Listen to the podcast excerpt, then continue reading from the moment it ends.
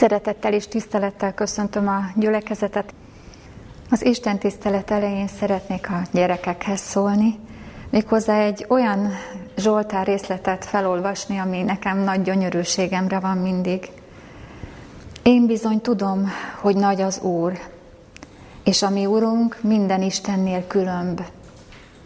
Mind megteszi az Úr, amit akar, az egekben és a földön, a vizekben és minden mélységben. Felemeli a felhőket a földnek széléről, villámlást készít, hogy eső legyen, és szelet hoz elő tárházaiból. Csodálatos ez a Zsoltár részlet, a 135. Zsoltárból való, de én egy mozzanatot szeretnék most innen kiemelni, bár vég nélkül lehetne mondani a csodálatos dolgokat a természetből, és ami ide vonatkozik, de most egy kicsit a villámlásról szeretnék nektek szólni. Mert ha megkérdezném a gyerekeket, akkor egész biztos, hogy nagy részük azt mondaná, hogy bizony fél a villámlástól. Megsúgom, még a felnőttek is szoktak. De hogy milyen a mi Istenünk, és hogy minden nehéz és, és veszélyes dolog közé mégis az ő kegyelmét, irgalmát tudja tenni, erről szeretnék most nektek egy pár szót szólni. Ugye a villámlás az az károkat, anyagi károkat tud okozni, de az egészségünkbe is kárt tud tenni, vagy egészen végletes, végzetes dolgokat is tud művelni, hogyha valakit úgy ér villámcsapás. Hát meg nem is beszélve a, a nagy volumenű fényjelenségről, meg a mellé társuló hangról is.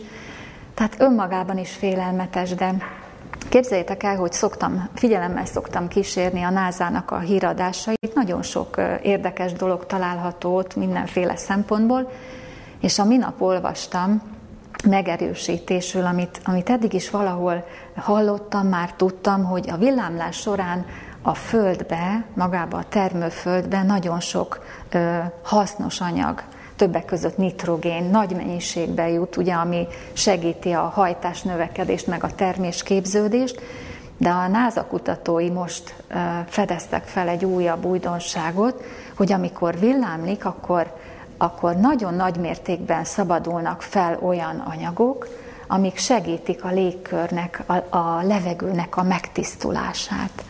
És sokáig félretették a tudósok ezt a megállapítást, és most elővették, és újból megvizsgálták laboratóriumi körülmények, meg nem tudom milyen technikák közben, hogy mennyi is ez a mennyiség, ami, amikor, ami itt felszabadul ilyenkor, és döbbenettel álltak előtte, és ez is csak azt mutatja nekünk újból és újból, hogy bármilyen dolog, amit az ellenség esetleg megfélemlítésre vagy káros dologra tud és akar használni, de mindenben, mindenben ott van az Istenünk jó indulata, kegyelme, és pontosan jóra tudja fordítani a dolgokat. Innen is láthatjuk, gondoljatok bele a félelmetes villámlás, mennydörgés közben, pont olyan anyagok tömkelege szabadul fel, ami, ami megtisztítja a levegőt, a levegő szennyező anyagait, amit egyébként más módon nem lehetne. Mondjátok meg, nem, nem gyönyörűen megtervezte és bele kombinált mindent a Jóisten ebbe a nehéz földi életünkbe is. Így, így tekintsetek, hogyha legközelebb villámlást láttok, mennydörgést hallotok, akkor jusson eszetekbe, hogy a ti Istenetek bátorságot tud adni, és ezzel kapcsolatban mindenből eszet, mindenről eszetekbe juthat, hogy ami félelmetesnek tűnik, meg nehéznek tűnik, abban is ott van a jó Isten, és abban is meg tud minket segíteni. Tehát még egyszer felolvasnám a Zsoltárt. Én bizony tudom, hogy nagy az Úr, és a mi Urunk minden Istennél különb. Mind megteszi az Úr, amit akar, az egekben és a földön, a vizekben és minden mélységben. Felemeli a felhőket a földnek széléről, villámlást készít, hogy eső legyen, és szeleket hoz elő tárházaiból. Köszönöm, hogy figyeltetek gyerekek, és a felnőtteknek szóló ige hirdetés kapcsán is van, amit tanulni. Ha nem mindent értetek meg, vagy ha nem mindenre tudtok figyelni, akkor este kérdezzétek vissza a szülőket, és ők el fogják nektek bővebben magyarázni. A mai Isten tiszteletünknek a témája egy azt is mondhatnám, hogy eléggé ismert, és mégis kevésbé ismert dolog lenne, méghozzá az, hogy hogyan vagyunk mi az Isten által elkészített jó cselekedetekkel, meg hogyan lehet ezekre felkészülni. Hogyan lehet egyáltalán megismerni őket? Hogyan lehet különbséget tenni, hogy mi az, ami tőle jön? Milyen úton, módon szeretne bennünket felkészíteni, és ezért kettő alapigét hoztam megjelenítésül. Az egyik a második Timóteusi levél harmadik fejezet 17. verse, a másik pedig az Efézus beliekhez írt levél második fejezetének a tizedik verse. Az első így szól, hogy tökéletes legyen az Isten embere, minden jó cselekedetre felkészített. A második így szól, mert az ő alkotása vagyunk, teremtetvén általa a Krisztus Jézusban jó cselekedetekre, amelyeket előre elkészített az Isten, hogy azokban járjunk. Ugye mind a két igét megelőzi egy hosszasabb tanítás, bátorítás, intés, buzdítás Pálapostól részéről. Az egyiket a fiatal tanítványának írja a börtönből, egy olyan élet után, ami, amivel jeleskedhet, példát mutathat és bátoríthat valóban Timóteus felé, a másikat pedig az, Efe, az Efézusi gyülekezetnek írja. Én most a megelőző igéket nem fejteném itt ki számotokra, csupán kiemelnénk ebből a két igéből kettő-három mozzanatot. Az egyik az, hogy a tökéletessé válással összefüggésbe van a jó cselekedetekre való felkészítés, erről fogunk majd beszélni. A másik pedig az, hogy az Isten készíti ezeket a jó cselekedeteket, hogy azokban járjunk. És az elején szeretném leszögezni, illetve megállapítani azt, hogy hol szokott a mi első elakadásunk lenni ezzel kapcsolatban. Ugye arról tanulunk, és teljesen igaz is az ige, hogy mi hitáltal igazulhatunk meg, hogy hitáltal tudunk csak minden jót megtenni, saját erőnkből nem, és ez igaz is. De képes a hívő ember itt leblokkolni, és egy idő után úgy is gondolkodni, hogy ha ez így van, akkor én tulajdonképpen cselekvőképtelen vagyok, akkor én nem is tudok semmi jót tenni.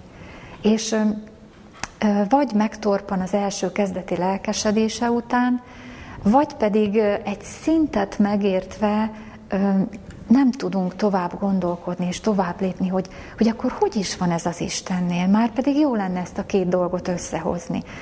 Hittel tenni valamit, fölismerni az Isten által elkészített cselekedeteket, és azokban járjunk, hiszen a tökéletességnek is ez az egyik útja, módja, mint ahogy az igen mondja is.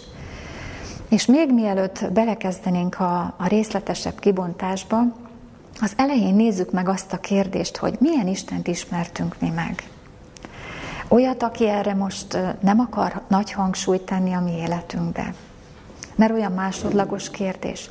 Vagy olyan Isten ismertünk meg, aki, hogyha ezt kinyilatkoztatja számunkra, akkor egész biztos, hogy megmutatja, megtanítja az igéből és az életből azt, hogy hogyan is lehetséges ez. Ugye hát mindannyian együtt gondolkodva így vélekedhetünk, hogy bizony olyan Istent ismertünk meg, aki nem fél munkát végez.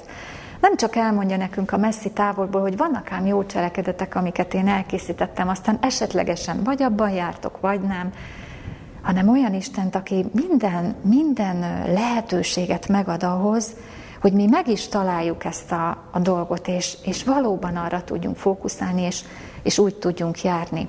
És még egy dolgot szeretnénk itt az elején megbeszélni, hogy mennyire komolyan is gondolkodik az Isten erről, azt onnan láthatjuk, hogy Jézus a, a példázataiban nagy hangsúlyt fektetett erre. Ugyanis azt mondja, hogy, hogy, hogy erről elszámoltathatóak vagyunk, és el is fog velünk számolni az Isten majd az ítéletkor. Hát, hogyha ez így van, hogy elszámolt, elszámoltathatóak vagyunk ez ügyben.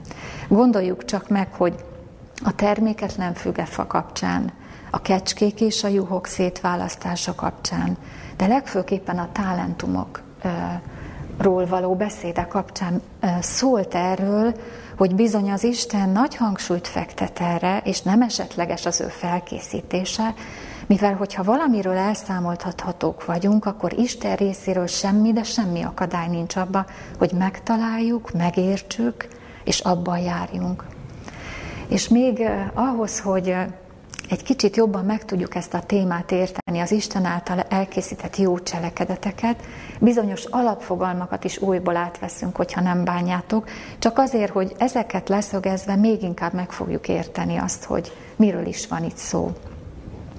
Ugye, ha megnézzük azt, hogy mindannyian, akik itt vagyunk, azért vagyunk itt, mert kielőbb, kikésőbb, de megismerve az Istent, jó szívvel, igaz szívvel, valódi megindulással mellé szegődtünk. Nála tettük le a voksunkat. Úgy is mondhatnám, hogy szövetségre léptünk vele. Erről tanulunk egész negyedévben, csodálatos dolog. És szeretnélek benneteket emlékeztetni, hogy ez a mi szövetségkötésünk, ez tulajdonképpen a szolgálat útjára való lépés kiteljesedésére történt. Emlékeztek? Mi, amikor szövetségre léptünk az Istennel, akkor megértettük, és elfogadtuk, hogy az Isten útja az a szolgálat útja. Krisztus nem győzött erre nagy hangsúlyt fektetni, és egész élete ezt mutatta be. És azért tanította az embereket, mert sátán a mennyben pont az ellenkezőjét kezdte elhirdetni. És nagy eséllyel tudott ott működni, és bizony a Földön is a bűn következtében belénk plántálta, hogy ennek az ellenkezőire hajoljon a mi szívünk. De mi, akik szövetségre léptünk az Istennel, mi szolgálatra ö, szegődtünk. És amiket most felolvasok, egy-két idézetet, ezt mind a Krisztus példázatainak a talentumokról szóló fejezetéből fogom felolvasni. Hogy ezt mennyire komolyan is gondolja az Isten. Krisztus szolgálatára váltotta meg követőit. Urunk azt tanítja, hogy az egész életünk igazi célja a szolgálat. Krisztus maga is szolgált, és minden követőjét a szolgálat törvény alá rendelte, az Isten és a felebarát szolgálatának törvénye alá. Krisztus ezzel minden addiginál magasztosabb fogalmat adott a világnak az életről. Minden addiginál sokkal magasztosabb módon tudta kifejteni az embereknek az élet célját és valódi értelmét. Ezt rejti az igazi szolgálat. És muszáj megértenünk, hogy milyen mélységei vannak, és milyen Istentől jövő kinyilatkoztatásai vannak a valódi szolgálatnak. Mi ebben a mi felelősségünk? Van ebben nekünk részünk? Azt írja továbbá, hogy nekünk, keresztényeknek pedig az a feladatunk, hogy Krisztussal tudjunk együttműködni ebben a lélekmentésben, mert ugye a szolgálatnak az értelme, a célja az, hogy lelkek lehessenek az örök üdvösségre megmentve itt ezen a földön. Szövetségkötéssel vállaltuk ezt a munkát. Ha nem végezzük, hűtlenek vagyunk Krisztussal szemben. És hogy Isten részéről milyen jó hozadékai vannak, milyen precíz terve van, hogy nála híja nincs annak, hogy mi ezt a szolgálatot felmérjük, felfogjuk, megértsük, és ebben járjunk. Erre a következő bizonságtételek adnak kellő mértékben felvilágosítást. A mások szolgálatára szentelt élettel az ember Krisztussal jut közösségbe. Ugye amikor azt mondjuk, hogy egyek legyünk Krisztussal, meg szoros kapocs legyen közöttünk, akkor erre is kell gondolnunk, hogy tulajdonképpen a valódi szolgáló élettel együtt tudunk Krisztussal kapcsolatba kerülni. Ennek a szolgálatnak a törvénye lesz kapocsá. Ez köti össze az embert Istennel és az embertársaival is. És most amiket mondok, egy kis hasonlattal élve végig, azt egy olyan szemléltető példából vettem, ami talán mindannyiunk számára közelebbé hozza és érthetőbbé válik, minden mozzanatában majd felhozok egy kis részletet, hogy mi az igazi szolgálat, és mi az, amit mi esetleg gondolunk, de, de nem működik. És ehhez az egészségügyi rendszert hozom például, jó? Tehát mindig a hasonlatot innen hozom. Most képzeljük el, hogy vannak emberek, akik arra szegődtek az életükben, hogy gyógyítani, segíteni fogják a többieket. Mondjuk egy egészségügyi rendszer, abban minden dolgozója, az orvosoktól az ápolókig, de megemlíteném a takarítónőket is, hiszen azok is azért dolgoznak, azért takarítanak ott a rendszeren belül, hogy minden a legjobban menjen. De ti el tudjátok képzelni, hogy ezek az emberek úgy teszik a dolgukat, hogy amúgy meg egymást nem szeretik? Vagy hogy nincs egymással kapcsolatuk? Vagy hogy nem beszélgetnek egymással? Vagy nem beszélik meg a dolgaikat, a céljaikat, a munkájukat? Vagy hogy nem örülnek egymás jó dolgainak? Ugye nem tudjuk elképzelni. Az Istennel való kapocs, a Jézussal való szolgálat, ezért kell, hogy összekössön vele, de egyben mindazokkal, akikkel együtt szolgálunk. És aztán mindazokkal, akikért szolgálunk. És hogy milyen jó hozadékai vannak ennek. Krisztus rábízza szolgáira mindazt, amilyen van.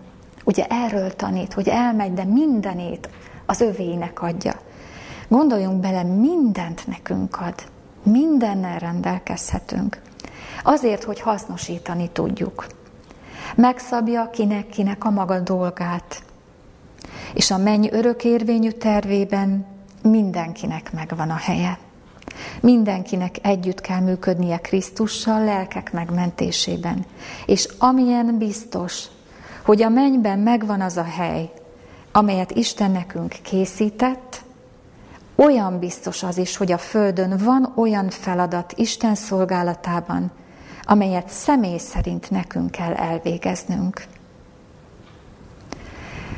Akkor gondoljunk bele, hogy belefér ebbe a szolgálatba az, hogy mi a többieket úgy figyeljük, hogy hozzájuk mérjük magunkat, az ő munkájukhoz viszonyítsuk a mi dolgainkat, hogy az kevés vagy kicsi, nem megfelelő. De hogy fér bele? Az Istennek nem ez a célja. Azzal együtt, hogy szoros kapcsolatban vannak az ő munkásai, azzal együtt, hogy megbeszélik a dolgokat, együtt örülnek, együtt bátorítják egymást, jó kapcsolatban vannak, de azzal együtt a mérce nem az egymás munkájához való viszonyítás, hanem az Isten által adott, kitűzött dolgok. És mit olvastam fel? Minden egyes embernek, tehát mindenkinek megvan a helye ebben. Az Isten örömmel elkészítette ezt, és adja számunkra. És ugye az első alapfogalom a szolgálat megállapítása után elengedhetetlen, hogy megnézzük azokat a dolgokat, amiket e- ezzel együtt ajándékba adott mindannyiunknak. Ha most megkérdeznélek benneteket, hogy mi szükséges a, mi szükséges a szolgálatunkhoz, biztos, hogy mindannyian egyértelműen mondanátok, hogy bizony a talentumok szükségesek. És szeretném tőletek megkérdezni, van olyan közöttünk, aki nem kapott? Van?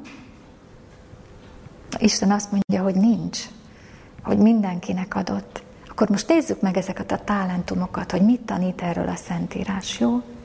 Ugye, ahogy említettem, Isten elszámoltat vele, hiszen Jézus beszél az erről való példázatokban, tehát szükséges, hogy megalapozzuk az újbóli átvételét, meg megértsük.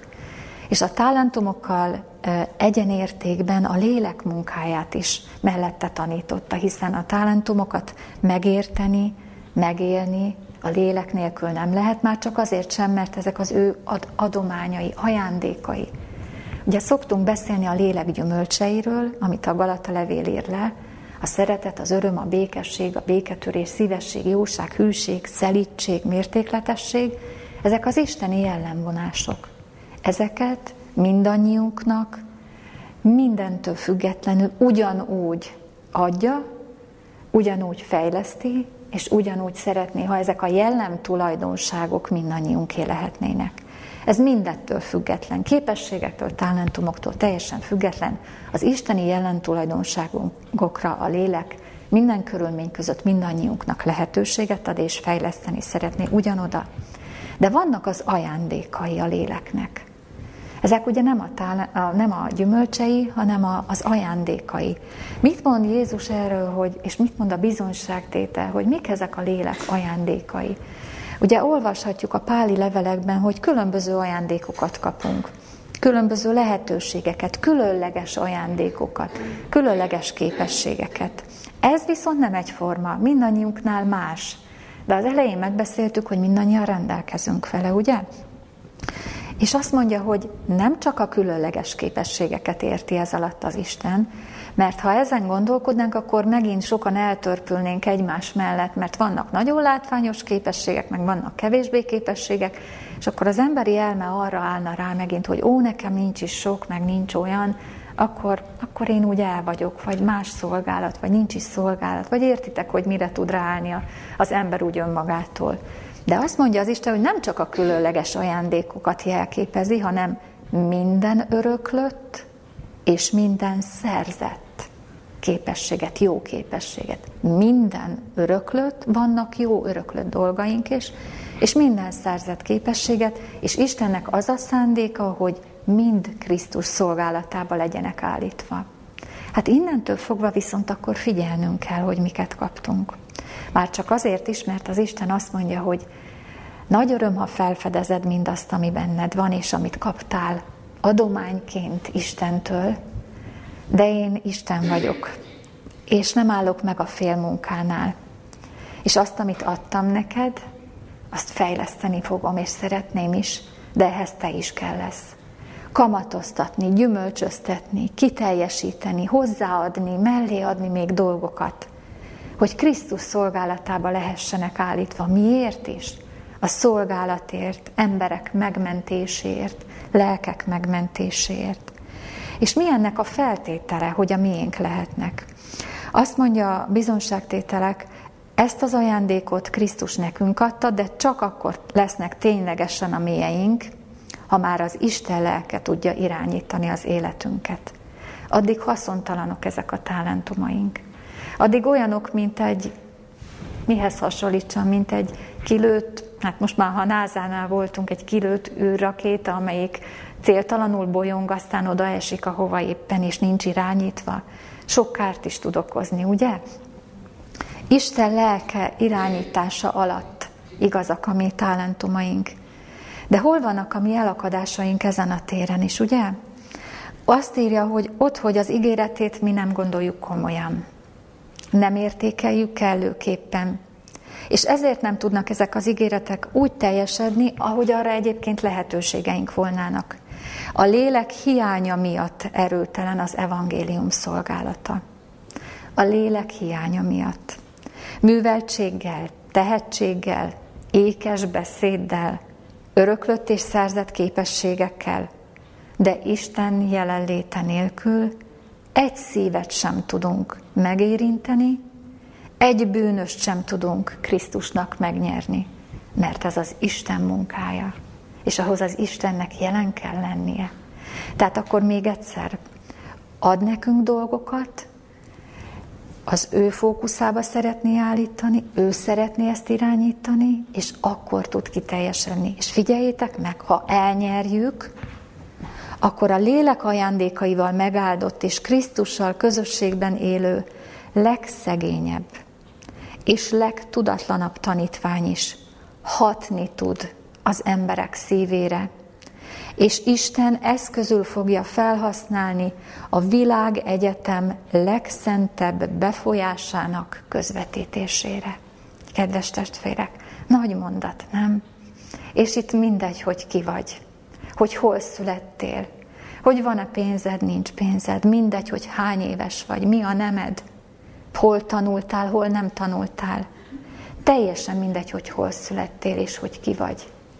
De ha Istennel szoros kapcsolatba lépsz, ha megengeded, hogy ő irányítson, akkor eszközül fog tudni felhasználni a világegyetem legszentebb befolyásának közvetítésére. Milyen jó, hogy átvettük ezeket az alapfogalmakat. Ugye már is felemelkedett a szívünk, és azt mondjuk, hogy úgy szeretnénk, atyánk. Ezért jöttünk ide, olyan jó nekünk tőled tanulni, de, de akkor a, ezek a hogyanok jönnek, ugye?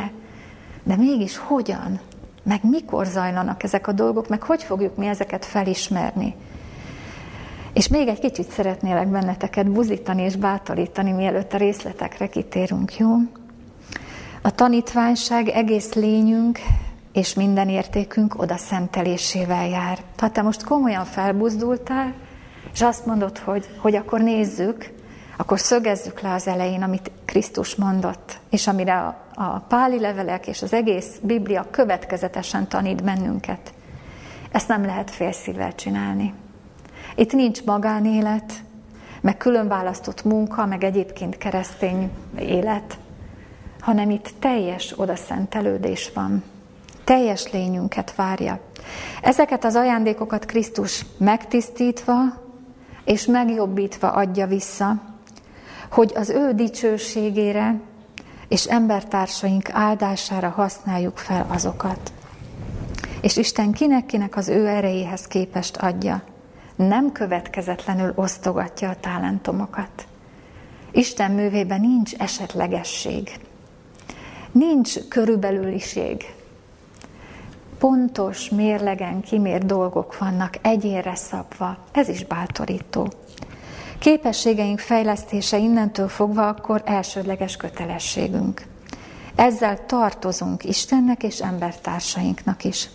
Az ember nem tölti be az élet célját, ha nem szerez egyre több talentumot, és nem lesz egyre napról napra hasznosabb, és Krisztusba vetett hitünk megvallásával ugyanis elkötelezzük magunkat, hogy megtanuljuk mindazt, amire nekünk, mint a mester munkásainak lehetőségünk van. Szolgálat, talentumok, teljes odaszentelődés, valódi hasznosság. Minden képességünket a legmagasabb szintre tudja tökéletesíteni, ha engedjük. És, és a lehető legjobb jót tehetjük ezekkel. Istennek ez a célja.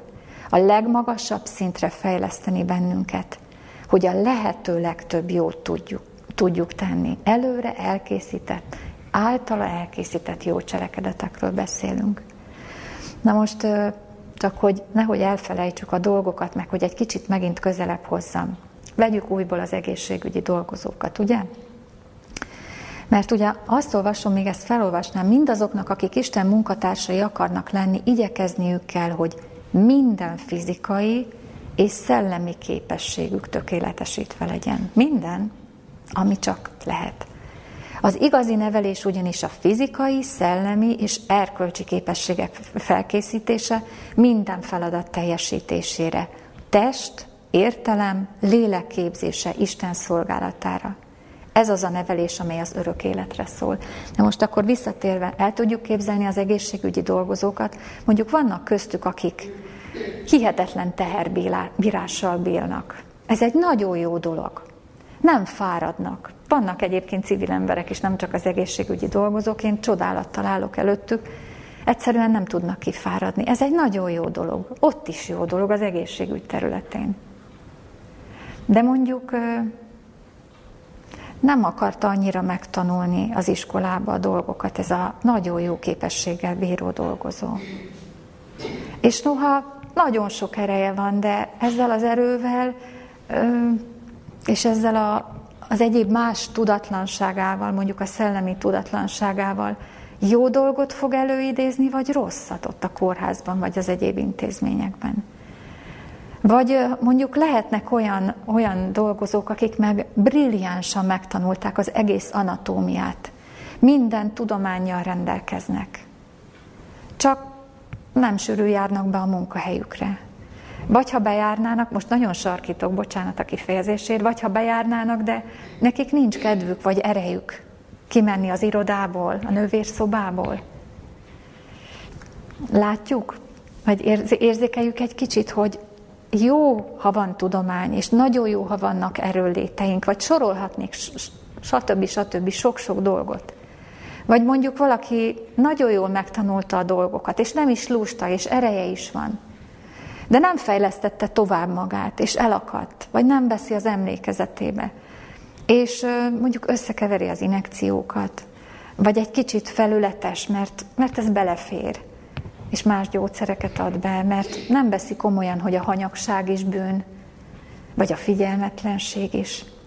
Ugye látjuk, hogy milyen éles a dolog egy-egy munkaterületén is, és hogy minden téren fejleszteni kell magunkat, és lehet. Na most jönnek a gyakorlati dolgok. Mert mit tegyen az az ember, aki úgy alapvetően alaptermészeténél fogva lusta? Úgy hagyja az Isten? Vagy azt mondhatja, hogy de egyébként én megtanultam sok dolgot, és abban nem voltam lusta. Csak a tevékenységben. Vagy ti el tudtok képzelni olyan egészségügyi dolgozókat, akik egész életükben tanulnak, mondjuk egy komplet, nagyon jól felszerelt iskolába, terembe, egész életükbe tanulnak, csak soha nem mennek gyakorlatozni. Bal haszna belőle? A lustaságra, a tétlenségre ugyanúgy megvan az Isten eszköze. Na és itt jönnek a gyakorlati dolgok, hogy hol vannak a mi elakadásaink. Még egyszer az Isten minden fizikai, szellemi, erkölcsi képességünket szeretné fejleszteni. Ha te felfedezed magadban, mondjuk a jó dolgokat, és örülsz, meg még hálás is vagy, meg még Istennek is tulajdonítod, de felfedezed, mert az Isten munkája ebből is áll a hiányosságaidat. És hát az ige azért testvérek leleplez minket, tehát nem hagy kiskapukat. Jézus sem hagyott kiskapukat, Pálapostól sem. Az Isten kinyilatkoztatása nem hagy kiskapukat, mert az ember hat oldalról szereti megmagyarázni a dolgait. De ha mi azért jöttünk, hogy szövetségünk van az Istennel, és szolgálatra akarunk élni, akkor a kiskapuinkat tegyük le, meg a megmagyarázásainkat. Nincs olyan ember közöttünk, akinek a mindennapjaiban a lélek, aki adja a talentumokat, nem mutatná meg, hogy hol a hiba. Én nem ismerlek benneteket közelről, nem is ez a dolgom. De azt tudom a mindennapi életben, hogy az Isten lelke nem hagy minket a rossz dolgokban. És amikor szólít, akkor felhívást ad, mikor felhívást ad, akkor bátorít, mikor döntésre hív, meg tud és meg akar adni minden segítséget. Elfogadjuk-e? Itt múlik rajtunk, hogy felismerjük-e és betöltjük-e ezeket a szolgálatokat. Harmonikus fejlődést szeretne az Isten adni. És tudjátok, hogy miért? Azért, mert mindenkinek más a talentuma. Máshol élünk, máshol dolgozunk. De az Isten alapdolgokat megtanít nekünk, hiszen hétről hétre tanulunk szombatiskolát, önállóan otthon Biblia tanulmányunk van.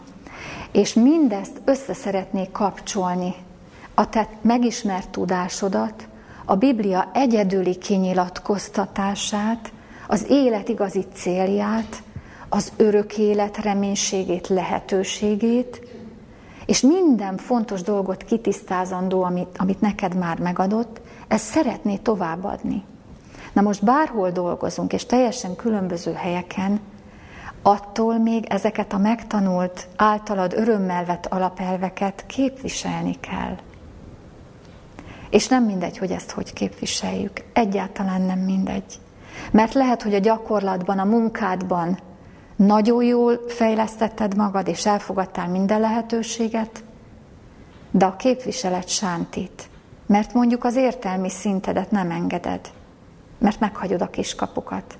Vagy balgaságokat nézel, hallgatsz, vagy abban merülsz el, vagy, vagy egyszerűen beállsz egy sablonra, és mindenkinek ugyanúgy akarod elmagyarázni a dolgokat. Az Isten műve komplett.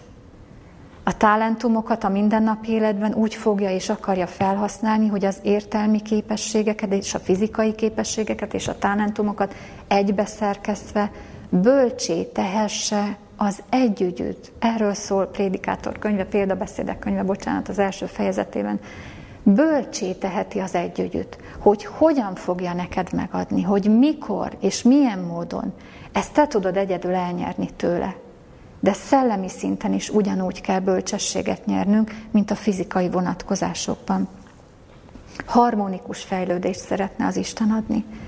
Isten minden szép és tökéletes jellemvonást harmonikusan és hiánytalanul önmagában hordoz, és mindazokat, akik elfogadják Krisztust személyes megváltójuknak, felruházza ugy, ugyanezekkel a kiváltságokkal, a saját jellemvonásaival, és akkor itt jön vissza a lélek gyümölcsei, amiről beszéltünk.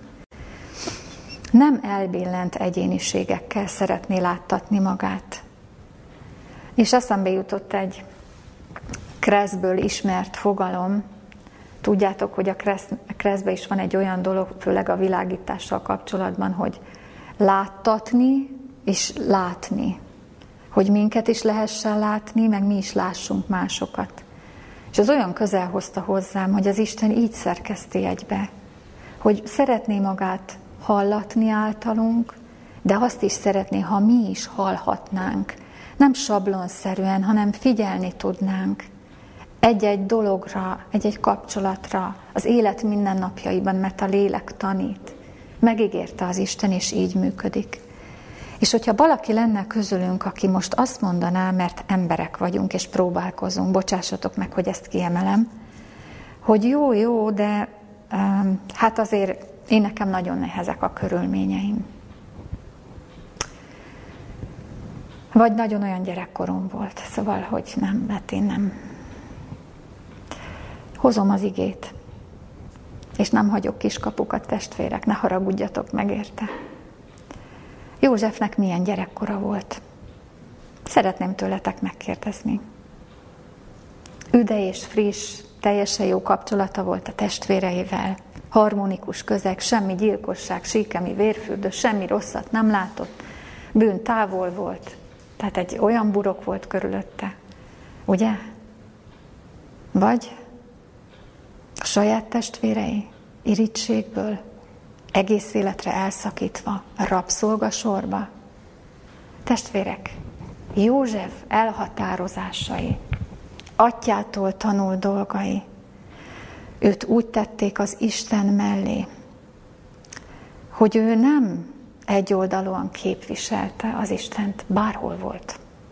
Teljesen mindegy volt, hogy Potifár házában személyi ügyeket intézve, magasan kiemelkedve, csodálatra jártak. Megjegyzi a Biblia, látszott, hogy az Isten van vele. Hogy itt volt, mindegy volt. Vagy hogy börtönbe kerül. Nekünk jó, mert utólag elolvassuk, és jó a vége. De ő ott honnan tudta, hogy mi lesz ennek a vége? És magán keserget, vagy a gyerekkorán, vagy a nehéz körülményein, vagy minden képességét, minden szellemi, fizikai erejét oda téve azt nézte, hogy éppen ahol van, milyen módon szolgálhat. Szolgált. És nem volt egyoldalú az ő jelensége. Nem azt mondták rá, hogy igen, azért ő nagyon-nagyon ügyes a, a tevékenységekben, a szervezésben, átláthatóak a dolgai, vagy ha vesszük a, a fáraó, második, fáraó után a második helyet, kigondolva Istentől jövő gondolatokkal gazdaságtant mondott a fáraónak, és véghez vitte, micsoda logisztika kellett mögötte legyen. De nem azt mondták róla, hogy ebben jó, de egyéb iránt azért, ha beszélgetünk vele, szóval olyan kellemetlen ember, nem? Vagy bizalmuk volt hozzá? Testvérek, József nem indokolta meg, hogy honnan jött és milyen nehézségei vannak. Megértette a szolgálatot. Vagy vegyük Dánielt. Fogság, rabság, elválasztva. És ilyeneket olvasunk, hogy hogy hogy imádkod. Olvassátok el egyébként a talentumok példázatát, az egész fejezetet. Olvassátok el a Dánielről szóló dolgokat. Nem esetleges volt az élete, céltudatos volt az élete. És minden dolgát fejlesztette ő is. Egy, egy birodalom gazdaságát vitte. A következő leváltó rendszer meghagyta magának. Azért nem kis dolog ez, nem? És azt írja az írás, hogy, hogy, hogy különleges lélek volt vele. Hogy, hogy a lélek különleges módon volt vele. Kérdezem én testvérek, ezt csak bizonyos embereknek szeretné megadni az Isten? Vagy kiváltságos embereknek? Vagy mindannyiunknak, akik most itt vagyunk. Akkor is, ha nem lesz lejegyezve sehol. De az emberi természetünk vigyázat mindig mást társít a dolgainkhoz. Mert képesek vagyunk azt mondani, jó, rendben van, akkor én ezt elhiszem, még ezzel is szóba tudok állni, na de akkor ezek olyan nagy dolgok és olyan különleges dolgok, hogyha majd a minden létrán végigmentem, és majd ha tökéletes leszek, meg majd ha különleges helyzeteim lesznek, akkor fogok tudni jó cselekedeteket, Isten által előre elrendelt jó cselekedeteket tenni. Majd. Az Isten azt mondja, hogy nem majd. Ott, ahol vagy, ahol most tartasz, amit eddig tanultál, amit eddig megértettél, ahova most leteszed a szívedet a mai napon, a mindennapokban, a hétköznapokban tudlak és akarlak fejleszteni, és a mai napon, ahol fáradt vagy, ahol kizsigerelt vagy, ahogy nehézségeid vannak, a mai napon készítettem jó cselekedeteket. Krisztus soha nem mondta, hogy a jellem tökéletesítése könnyű feladat. Nemes, kiegyensúlyozott jellemet nem lehet örökölni. Nem jutunk hozzá véletlenül, hanem személyes erőfeszítéssel, Krisztus érdemei és ereje által. Senki sem mondja, hogy nem tudja jellemhibáit orvosolni. Ha erre a megállapításra jutsz, biztosan elveszíted az örök életet. Az lehetetlen, amit nem akarsz. Ha nem akarsz, akkor nem is tudsz győzni. Az igazi nehézség megszenteletlen, bűnnel fertőzött szívünkbe rejlik, és abban, hogy nem akarjuk magunkat Isten irányítása alá rendelni. Magadat vizsgáld, és a kiskapukat segítsd az Istennek félretenni. Ne magyarázd meg a dolgaidat, ne bújjál ki alóluk. Figyeld az Istent, örülj neki, szabadulj fel a szolgálatra. Isten kegyelmében, legyél sokat az Isten kegyelmi királyi széke előtt. Engedd, hogy szabaddá tegyen a bűneitől meg szabadítva.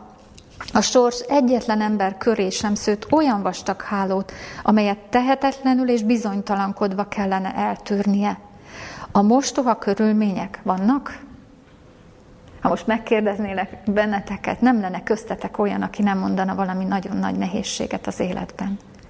De a mostoha körülmények váltsák ki belőled azt a szilárd elhatározást, hogy leküzdöd a nehézségeket.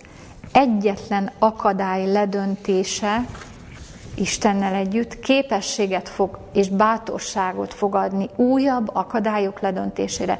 Testvérek, Krisztus nem ígérte nekünk, hogy könnyű menetünk lesz.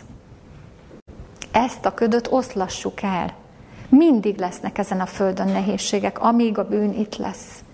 Mindig lesznek, mindig lesznek akadályok. De nekünk nem az a célunk, hogy az akadályok eltűnjenek, mert az ember erre lenne ráárva. Majd, ha nem lesz nehézségem, majd, ha nem lesz akadályom, majd, ha nem terhel ennyi minden, majd, ha könnyebb lesz az élet, majd, ha több időm lesz, és sorolhatnám. Nem lesz ilyen. Most és ma az akadályok közben tud és akar fejleszteni az Isten, és azt mondja, céltudatosan menj előre a helyes irányba, és a körülmények segíteni fognak, nem gátolni. Ezek a nehéz körülmények is hidd el, segíteni fognak, és nem gátolni, ha Isten hívott segítségül. Sóvárogja Mester megdicsőítésére, csiszold jellemed minden kedvező vonását, a jellemépítés minden fokán Isten tetszésére élhetsz, és ez lehetséges. Ez az evangélium része. Akkor is, ha mi erről nem szoktunk így gondolkodni. Hogy teljesíthessük ezt a feladatot, Krisztus példáját kell követnünk. Hiszen Krisztus földi életében arra tanított, hogy fordítsunk nagy figyelmet a kis dolgokra. Testvérek, ha ti Isten szolgálatába akartok állni, akkor azokat, amiken úgy keresztül mennétek, lényegtelennek tartanátok, akármi miatt, a természetetek miatt, hajlamaitok miatt, gondolkodásmódbeli megakadásotok miatt kicsi dolognak tartanátok, ott álljatok meg. Ugyanis az Isten előre elkészített jó cselekedetei nem feltétlenül magazinok címlapján fognak tündökölni. Az élet kicsinek tűnő dolgai fejlesztenek bennünket, és az, akkor összekapcsolom az előzőekkel, a nehéz körülmények között. Tehát Krisztus példáját kell követnünk, aki híven és lelkiismeretesen figyelt a kicsi dolgokra.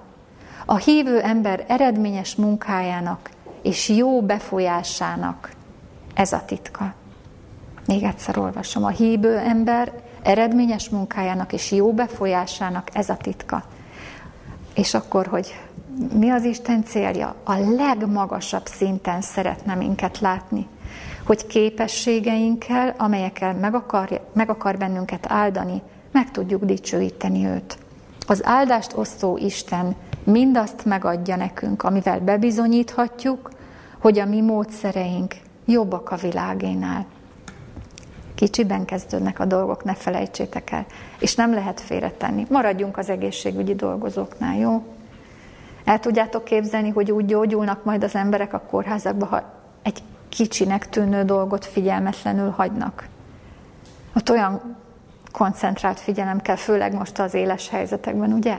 Nincsenek kicsi dolgok ott sem. Akkor mi, mi, akik Krisztus mellé szegődtünk szolgálatra, mi sem mondhatjuk ezt. Tehát megadja, és azt szeretné, hogy látszódjon, úgy, mint Józsefnél, úgy, mint, úgy, mint Dánielnél, hogy különleges lélek vezet bennünket.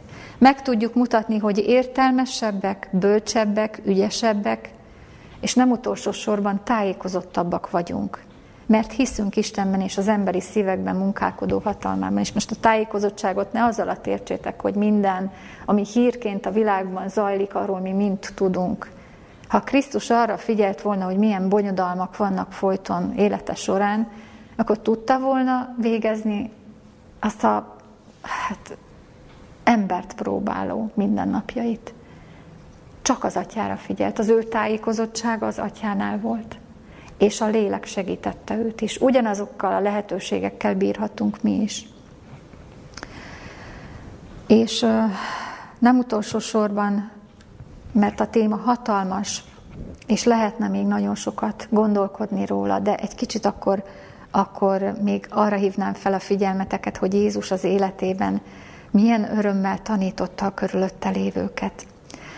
És ő is mindig a, az elérhető legkisebb dolgokra hívta fel a figyelmet. Ha valaki beteg volt, úgy született, vagy gyógyíthatatlan, vagy olyan nehéz körülményei voltak, vagy koldus volt, vagy megvetett volt, vagy meg nem értett volt, mindig a legszebb módon tette, tárta eléjük azt a célt, amit el lehet érni. És azt, amit most olvasok, ezt a Jézus élete című könyvből a Ne nyugtalankodjék a ti szívetek, és ne féljen fejezetből olvasom.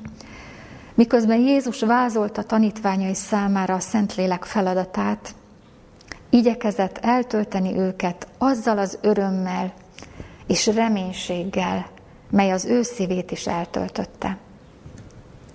Nem könnyű menetek között, nem megértések között, nem elfogadás között, hanem ezek ellenére. Újongott annak a bőséges segítségnek a következtében, amivel ellátta egyházát. Isten tisztelete, Krisztus tisztelete elválaszthatatlanul össze van kötve Isten népe fedhetetlen jellemének fejlődésével. Szolgálat, jó cselekedetek, minden körülmény között, jellemépítéssel együtt. Ez az Isten komplet megváltási műve. Nincs olyan ember, akinek tudja fejleszteni a jellemét, de ne állítaná szolgálatba. Az a jellem torz lesz. De nincs olyan, aki csak szolgálna, de közben nem engedné a jellemét fejleszteni, mert az nem Istentől készített jó cselekedet, az nem jó. Lehet, hogy tőle készített, de nem jó. Krisztus megígérte egyházának a Szentlélek ajándékát, és ez az ígéret ránk is éppen úgy vonatkozik, mint az első tanítványokra. Minden más ígéretéhez hasonlóan Krisztus ezt az ígéretet is feltételekhez kötötte, és nézzük meg a feltételeket, amiről már előzőekben egyébként beszéltem. Sokan vannak, akik hisznek az Úr ígéreteiben, vallást is tesznek arról, hogy igénylik azokat. Sokat beszélnek is Krisztusról és a Szentlélektől, Szentlélekről, mégsem nyernek semmi áldást, mert nem adják magukat a lélek vezetése és az isteni erők ellenőrzése és uralma alá. Testvérek, ez komoly dolog. Ez nagyon komoly dolog. Ha te az életben mindig keresel valami más megoldást, mindig a teher alól akarsz kimenni, hogy könnyebb legyen, megoldhatóbb legyen az emberi természetednek, és nem engeded magadat fejleszteni a nehéz körülmények alatt, akkor Isten nem fogja tudni elfogadni ezt a helyzetet. És itt jön a klasszikus dolog, amit sokszor olvastunk, mi ugyanis nem tudjuk használni a szent lelket, ő kell, hogy használjon bennünket. Isten a lélek útján munkálkodik népében. Munkálja bennetek mind az akarást, mind a munkálást jó kedvéből. Sokan azonban nem akarják magukat ennek alávetni. Életük ügyeit maguk intézik. Maguk intézik. És nem az a baj, hogy te felveszed a telefont és képes vagy erre. Ne értsük félre. Nem ebben van a magunk intézésének a baja, hanem abban, hogy nem azt az utat keressük, amit az Isten mond nekünk. És ez a buktató is, ez húz le bennünket. Ezért nem is akarják elfogadni, és nem is kapják meg a mennyei ajándékokat. Isten csak azoknak adja lelkét, akik alázatosan várakoznak Istenre, nehéz körülmények között is, akik nem tagadják meg az isteni életelveket, akik a nehéz körülmények között inkább elviselik a rosszat, inkább választják a türelmes várakozást, inkább ellentmondanak az emberi természetüknek, mint a maguk dolgait, céljait hajtanák. Éberen figyelnek vezetésére, és éberen tudnak így figyelni a kegyelmi ajándékaira is. Ez a hitáltal igényelt, megígért áldás fogja maga után vonni az összes többi áldást is. Krisztus az áldást kegyelmének a gazdagsága szerint adja nekünk. Kész arra, hogy minden lelket megáldjon, szükségük és befogadó képességük szerint. A lélek elnyerése Krisztus életének az elnyerését jelenti. Krisztus ugyanis megígérte, hogy a Szentlélek azoknál időzik majd, akik a bűn feletti győzelemért küzdenek, hogy lelke által az isteni hatalom ereje nyilvánuljon majd meg, az emberi eszközt természet feletti erővel fogja felövezni, és a tudatlan embert Isten országának titkai felől meg fogja tanítani. Csak legyünk taníthatók. Ha megszabadulunk énünktől, és kiűzzük a lelkünkből a hamis isteneket, akkor fog Krisztus lelke ránk áradni. Akkor azzal a hittel fogunk bírni, amely a lelket minden tisztátalanságtól megszabadít. Az ilyen lélek egyetértésben van Isten lelkével, és figyeli minden megmozdulását. Már nem bízik önmagában, Krisztus neki minden, mindenben. Így tud bennünket a gyakorlatba az Isten, az ő általa elkészített jó cselekedetekre felkészíteni, így tudja megláttatni a mindennapok kicsi dolgaiban, így tud bennünket fejleszteni, így tudja a szerzett, öröklött talentumainkat kiteljesíteni, így tud bennünket a bűntől szabadítani. Ez a lélek, aki nem két műszakban dolgozik, az egyikben adja az ajándékokat, a másikban a, a gyümölcsöket, hanem ez a lélek, ez mindent átfog, és mindenre tanít bennünket, és mindent adni akar. Én azt kívánom mindannyiatoknak, hogy nehogy úgy menjünk most haza, hogy tanultunk valamit, és elfelejtjük, elfelejtjük hanem amikor hazamegyünk, akkor ássuk bele magunkat, és fejlődjünk még tovább-tovább ezen a területen is, a mindennapokban. Csípjük el magunkba azokat az akadályokat, amik mindig keresztezik az Isten útjait. Mert ha ezeket elcsípjük, és segítünk, és utat nyitunk neki, higgyétek el, egy-egy helyzetet teljesen más fénybe fogunk látni, mint ahogy élni szoktuk a mindennapjainkat, és akkor fog általunk jó cselekedeteket véghez vinni az Isten hogy tökéletes legyen az Isten embere, minden jó cselekedetre felkészített. Mert az ő alkotásai vagyunk, teremtetvén általa, a Krisztus Jézusban jó cselekedetekre, amelyeket előre elkészített az Isten, hogy azokban járjunk. Amen.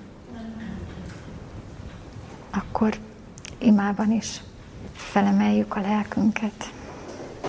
Jóságos Istenünk, kegyelmes égi atyánk, hálásan köszönjük neked, és kifejezhetetlen, amit most érzünk, hogy, hogy milyen komplett a te művedés, hogy olyan örömmel szeretnél bennünket fejleszteni és tanítani.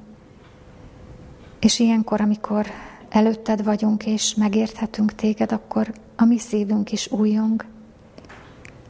De te tudod, hogy hazamenve a hétköznapokban hol tud minket előfogni a saját természetünk és annak akadályai. Kérünk Istenünk, segíts meg, hogy ne felejtsük el, amiket most tanultunk. És hogy a lélek, amikor majd figyelmeztet bennünket a mindennapokban, hogy ez az a helyzet, amiben tudok és akarok segíteni neked. És amikor felismerjük, hogy Jézus élete által, hogy tudsz nekünk segíteni, akkor át tudjuk adni az akaratunkat neked. Felül tudjunk emelkedni a magunk érzésvilágán, gondjain, és láthassuk a te céljaidat. Urunk Istenünk, segíts bennünket fejlődni, segíts igazi szolgálatba állni, és add, hogy, hogy ezt megélve valódi tapasztalataink lehessenek veled.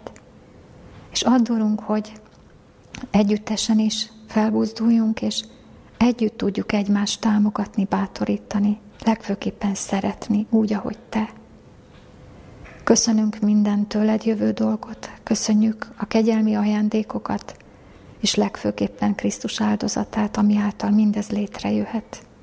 Áldott legyen a Te neved, jó Atyánk, Jézus Krisztusért. Amen. Itt van.